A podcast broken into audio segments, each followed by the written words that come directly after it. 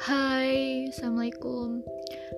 Di sini gue mau belajar bikin podcast, kayak mengekspresikan apa yang gue rasa, uh, apa yang teman-teman gue rasa dengan seizinnya dia untuk menceritakan itu.